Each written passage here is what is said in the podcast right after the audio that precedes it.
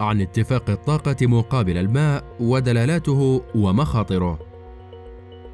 أليس مثيرا أن كل صفقات التطبيع أو التحالف مع الكيان الصهيوني لا تخرج أخبارها إلا من الطرف الأخير بينما يصر الطرف العربي على التكتم حتى اللحظات الأخيرة ألا يدل ذلك على طبيعة تلك الاتفاقات التي تصطدم مع الوعي الجمعي لشعوبنا وأمتنا ألا يؤكد ذلك أن الأطراف العربية التي تتورط فيها ما زالت تدرك أنها تتجاوز الخطوط الحمراء الشعبية وتتورط في مشاريع لا يمكن إقناع الناس بها بأي حال؟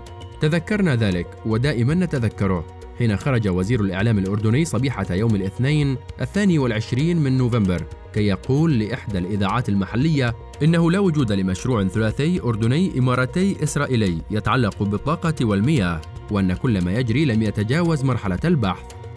بعد ذلك بساعات قليلة وتماما كما أكدت المصادر الصهيونية كانت الأطراف الثلاثة توقع إعلان النوايا الخاص بالمشروع الذي تم الحديث عنه وبالذات التفاصيل التي كشفتها المصادر المذكورة. قيل الكثير عن المشروع الذي نحن بصدده والذي ما زال يواجه ردود فعل رافضة في الساحة الأردنية. وكان لافتا أن كل من تحدثوا في الأمر قد ربطوه بمفاخرة المسؤولين الأردنيين مرارا بإفشالهم لصفقة القرن. وهو ما تحدثنا عنه في المقال السابق وشمل سلطة محمود عباس أيضا. وذهب بعضهم إلى أن الاتفاق الجديد هو تنفيذ للصفقة. ما نريد قوله هنا ونركز عليه رغم أننا سبق أن فعلنا هو أن هذه الخطوة الجديدة ومعها مسلسل التطبيع المتسارع والذي دخل مرحلة التحالف.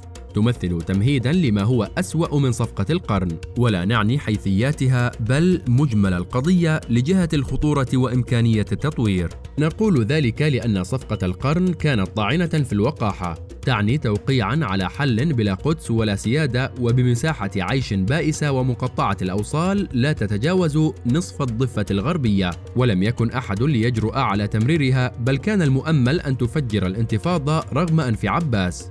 تماما كما حدث بعد قمة كامب ديفيد صيف العام 2000 والتي جاءت انتفاضة الأقصى بعدها مباشرة حين تبين للجميع أن ما يعرضه الغزاة على القيادة الفلسطينية لا يمكن أن يقبل به أي أحد مهما بلغ مستوى انبطاحه. ونتذكر هنا ثورية عباس في الرد على الصفقة وهي التي ما لبثت أن تلاشت بعد خسارة ترامب للانتخابات رغم أن مسار خلفه بايدن أكثر خطورة كما سنشرح.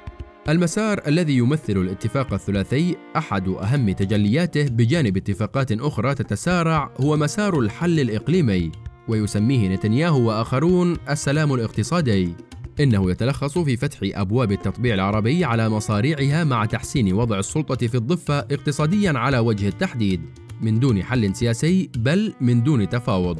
بينيت يقول لهم صراحة إنه لا دولة فلسطينية والاستيطان سيتواصل. وما نتابعه من حديث يومي في الأوساط الصهيونية عن توفير الدعم للسلطة خشية انهيارها هو جزء من هذا المسار. حتى بات قادة الاحتلال هم من يحشدون الدعم لها في الأوساط الأمريكية والأوروبية. الحل الإقليمي أو السلام الاقتصادي لا يحتاج إلى توقيع لن يتجرأ عليه أحد بل يعني تصفية ناعمة للقضية عبر تحويل المؤقت إلى دائم. ويمكن تمريرها بمسميات براقة كالتي نسمعها راهنا. ونتذكر هنا أن المبادرة العربية قد طرحت التطبيع بعد الحل. دولة في حدود 67 بما فيها القدس الشرقية. لكن هذا المسار ينقلب تماما على المبادرة لأنه يقدم تطبيعا دون حل. حين يحدث ذلك ويتحول المؤقت إلى دائم فإن التوطين سيكون حقيقة في الأردن.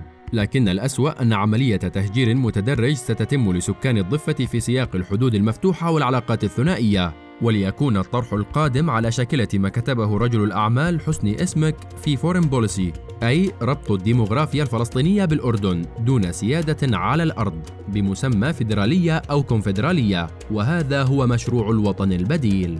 هذا لن يمر بإذن الله. فقضية فلسطين ستظل حية بمقاومتها كما أن الشعب الأردني سيقف بجانبها وسيرفض المؤامرة دون تردد. لكننا نتحدث عن من يسهلون تمرير تلك المؤامرة ويبيعون ذلك بشعارات بائسة لا تقنع أحدا. قولنا لن تمر إنما ينبع من ثقتنا بالمقاومة وبالشعبين الفلسطيني والأردني. لكن ذلك لا يعني الركون بل لا بد من فعل يحبط تلك المؤامرة. ابتداء من نزع الشرعية من عباس الذي يرفض هذا المسار الخطير بالقول وينفذه على الأرض وليس انتهاء بفعاليات شعبية أردنية. تفرض إحباط الاتفاق المذكور وتضع حدا للتماهي مع المطالب الصهيونية. الأمر الذي ينبغي أن يشمل كل الساحات العربية وفي مقدمتها الساحة المصرية ذات الأهمية البالغة في هذا المسار أيضاً.